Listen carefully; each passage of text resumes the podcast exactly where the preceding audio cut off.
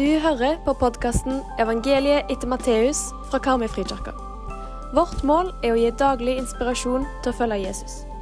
Hei, og velkommen til en ny episode av podkasten vår som handler om evangeliet etter Matteus. Og nå er Jesus kommet til Jerusalem. Han har sovet en natt i Betania, og vi leser videre i kapittel 21 fra vers 18 til 27. Da han tidlig neste morgen var på vei inn til byen, ble han sulten. Han fikk se et fikentre ved veien og gikk bort til det, men fant ikke annet enn blad. Da sa han til treet, Aldri mer skal du bære frukt. Med det samme visnet treet. Disiplene undret seg da de så det, og spurte, Hvordan kunne treet visne så brått? Jesus svarte dem, Sannelig, jeg sier dere, dersom dere har tro og ikke tviler, skal dere ikke bare kunne gjøre det som jeg gjorde med fikentreet. Også om dere sier til dette fjellet, løft deg og kast deg i havet, så skal det skje. Og alt dere ber om i bønnene deres, skal dere få når dere ber med tro. Så gikk han inn på tempelplassen, og mens han underviste, kom overprestene og folkets eldste til ham og spurte. Med hvilken fullmakt gjør du dette, og hvem har gitt deg denne fullmakten? Men Jesus sa til dem, Jeg har også noe å spørre dere om. Svarer dere meg på det, skal jeg si dere hvilken fullmakt jeg har til å gjøre dette. Johannesdåpen, hvor var den fra? Fra himmelen eller fra mennesker? De drøftet det med hverandre og sa, Om vi svarer fra himmelen, vil han si, Hvorfor trodde dere ham da ikke? Men om vi svarer fra mennesker, er vi redde for hva folkemengden kan gjøre, for alle mener at Johannes var en profet. Så svarte de, Vi vet ikke. Da sa han til dem, Så sier heller ikke jeg til dere med hvilken fullmakt jeg gjør dette. Dette er Guds ord. Etter at Jesus kom ridende inn på et esel og tok imot folkets og barnas lovprisning, så gikk han opp til tempelet og ryddet opp. Kanskje timingen til Jesus der handlet om å gjøre klart tempelet for det som skal skje senere? Uansett, etter dette drar han ut igjen fra bykjernen og ut til Betania. Ifølge de som kan sånne supernerdete ting, og jeg elsker at noen finner ut av sånn, ja, så var dette en spasertur på ca. 2,8 km. Altså bare en kort ettermiddagstur.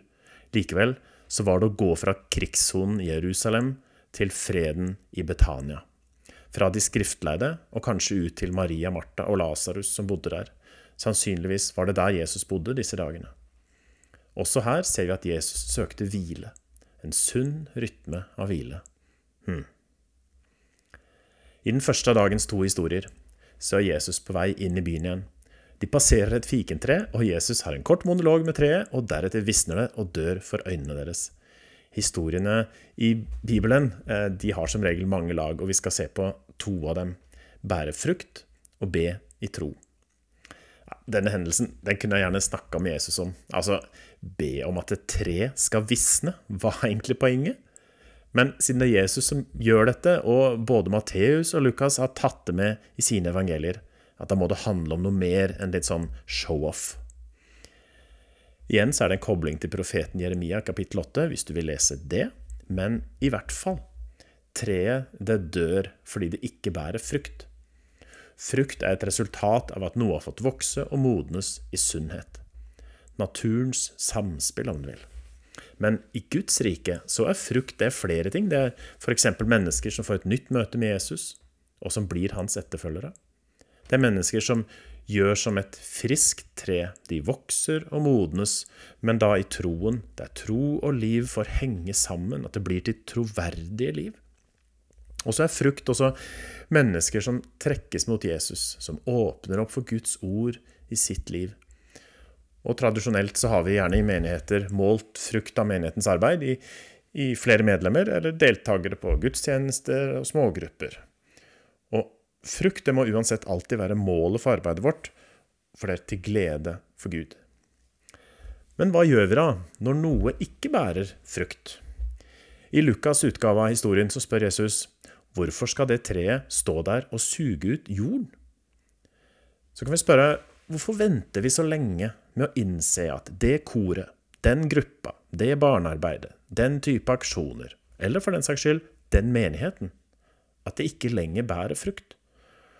Da blir det heller sånn dårlig frukt, som motløshet, håpløshet, forventning om nedgang, timevis av arbeid og mengder av penger brukt inn i noe som kanskje egentlig bare skulle fått dø en helt naturlig død.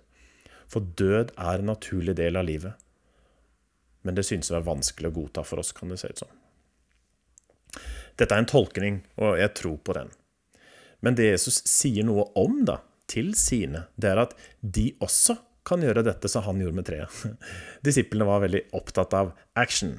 Å kaste fjell i havet, ja, da snakker vi om action, altså. Men ikke nok med det. Jesus sier alt dere ber om i bønnene deres, ja, det skal dere få når dere ber med tro. Et annet sted så sier han jo så lite tro dere har. Samtidig, for noen få kapitler siden, så sa Jesus dette her. Sannelig, jeg sier dere, om dere har tro som et sennepsfrø, kan dere si til dette fjellet, flytt deg herfra og dit. Lite tro, mye tro, hvordan måles det? Det kan høres som en motsetning der, men jeg tror at i Guds rike så finnes det en måleskala for tro som er helt annerledes enn sånn som vi tenker, da. Jeg tror det handler om noe av det han sier i den andre historien vi hørte i dag, da faraseerne prøver å finte ut Jesus, men de feiga stille ut da de skjønte at de hadde tapt. At tro, ja, det handler om å stole på Jesus. Stole på Herren. Hvis vi stoler på Jesus bare som et sennepsfrø, så er det nok til å flytte fjell. Og så vet Jesus mye om vår svake evne til å vise bunnløs tillit til Gud. Å stole på Gud er å våge å bli svake. F.eks. våge å tape en diskusjon for kanskje å vinne et hjerte. Våge å legge ned vårt eget og la Jesus overta kontrollen. Og dere, skal vi øve oss på det i dag? Kanskje særlig om du i dag skulle havne i en vanskelig situasjon. Trekke pusten, takke Gud, be en bønn og stole på ham. La Guds ånd få lede tungen, få lede øynene og skrittene våre. Og vil du ha litt action? Ja, da tror jeg faktisk at dette er veien dit. Gjennom å stole på Jesus og gjennom bønnen. Vi ber sammen. Gode Gud, du som er over alt og alle. Vi tror at du er den evige livets Gud, Gud for alle mennesker. Vi tror at du er den evige kjærlighets Gud. Vi tror at du skapte jorden og havet og himmelrommet. Vi tror at du skaper oss i ditt bilde og gir oss evig verdi. Vi vil ære deg med hele vårt liv og innvier denne dagen til deg. Amen. Velsignet er Gud, vår Herre Jesu Kristi Far, Han som i Kristus har velsignet oss med all Åndens velsignelse i himmelen. Amen. Ha en tillitsfull dag, folkens. Vi håper du blir med videre for å lese hele evangeliet etter Matteus sammen med oss. Leseplanen finner du på våre nettsider.